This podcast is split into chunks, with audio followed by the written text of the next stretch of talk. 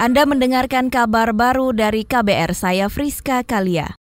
Saudara Wakil Presiden Yusuf Kala menyebut banyaknya penunggak BPJS Kesehatan bukan lantaran tak mampu, namun memang tak taat pada peraturan. Menurut JK, selama ini masyarakat tidak mampu menjadi tanggungan negara, sedangkan penunggak kebanyakan merupakan peserta mandiri yang tergolong mampu untuk membayar iuran BPJS. Semuanya bukan menunggak dalam arti kata tidak mampu. Yang tidak mampu dibayar negara, jangan lupa ya, itu lupakan dulu. 120 juta orang dibayar oleh negara.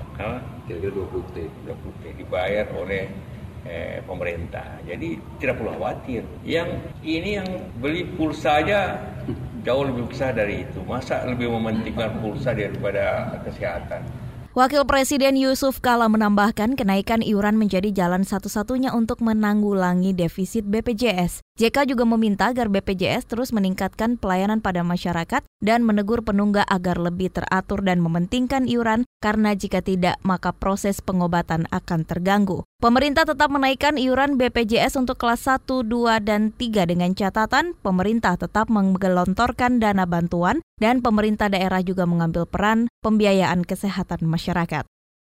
Beralih ke informasi lain, Ketua DPR RI Puan Maharani memastikan DPR akan tetap kritis atas segala kebijakan pemerintah yang dianggap tidak pro kepada rakyat. Meski mayoritas pimpinan DPR merupakan bagian dari koalisi pemerintah, Puan menyebut legislatif dan eksekutif tetap akan terus bersinergi melahirkan kebijakan bersama yang terbaik bagi bangsa dan negara, khususnya seluruh rakyat. Sinergi dengan pemerintah juga akan kami lakukan agar kebijakan-kebijakan pemerintah yang pro rakyat memang bisa bermanfaat untuk rakyat. Jadi otokritik, kritik, dinamika di DPR itu tentu saja akan tetap terbangun karena memang itu diperlukan dalam proses demokrasi. Namun bukan berarti kita itu jadi tukang tukang stempel juga. Kalau kemudian apa yang dilakukan oleh eksekutif itu tidak sesuai dengan kepentingan rakyat, ya tentu saja DPR yang diwakili oleh partai politik ya tentu saja boleh mengkritiki kebijakan. Ketua DPR RI Puan Maharani menambahkan DPR sebagai lembaga legislatif bertugas penuh mengawasi pemerintah atau eksekutif dalam setiap kebijakan. Puan menyebut DPR tak akan serta-merta setuju atas setiap kebijakan yang diambil pemerintah, apalagi terhadap kebijakan yang tidak sesuai dengan kepentingan rakyat serta bangsa dan negara.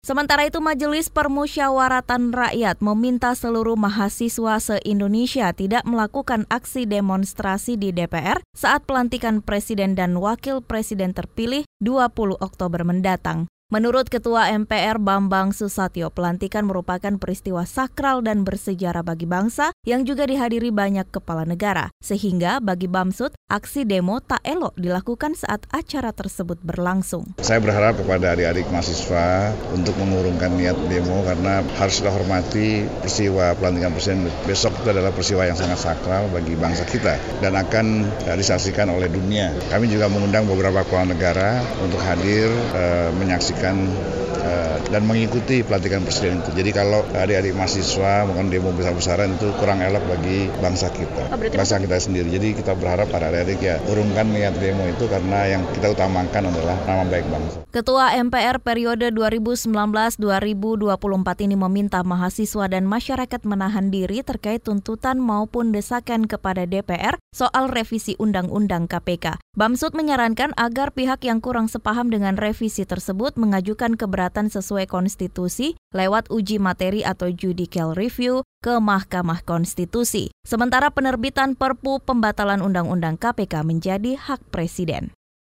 Kita menuju Kalimantan Barat. Sebanyak 200-an tambang yang beroperasi di Kalimantan Barat tidak melakukan reklamasi di bekas galian. Gubernur Kalimantan Barat Sutar Miji mengatakan hanya dua perusahaan tambang yang telah melakukan reklamasi. Padahal, reklamasi menjadi kewajiban perusahaan yang diatur di Undang-Undang Pertambangan Mineral dan Batu Bara serta peraturan pemerintah tentang reklamasi dan pasca tambang. Nanti yang menderita itu kita ketika mereka tidak melakukan reklamasi. 262 di pertambangan yang melakukan reklamasi cuma dua. Nah, dana jaminan reklamasi aduh itu mungkin seperseribunya yang harus ya seperseribunya itu lebih parah nanti daripada perkebunan daripada nanti parah, bagus diomel sekarang.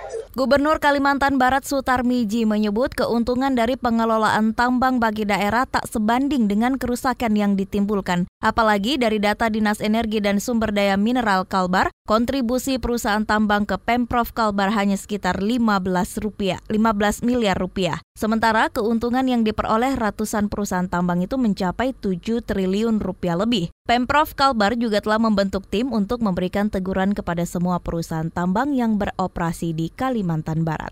Demikian kabar baru dari KBR, saya Friska Kalia.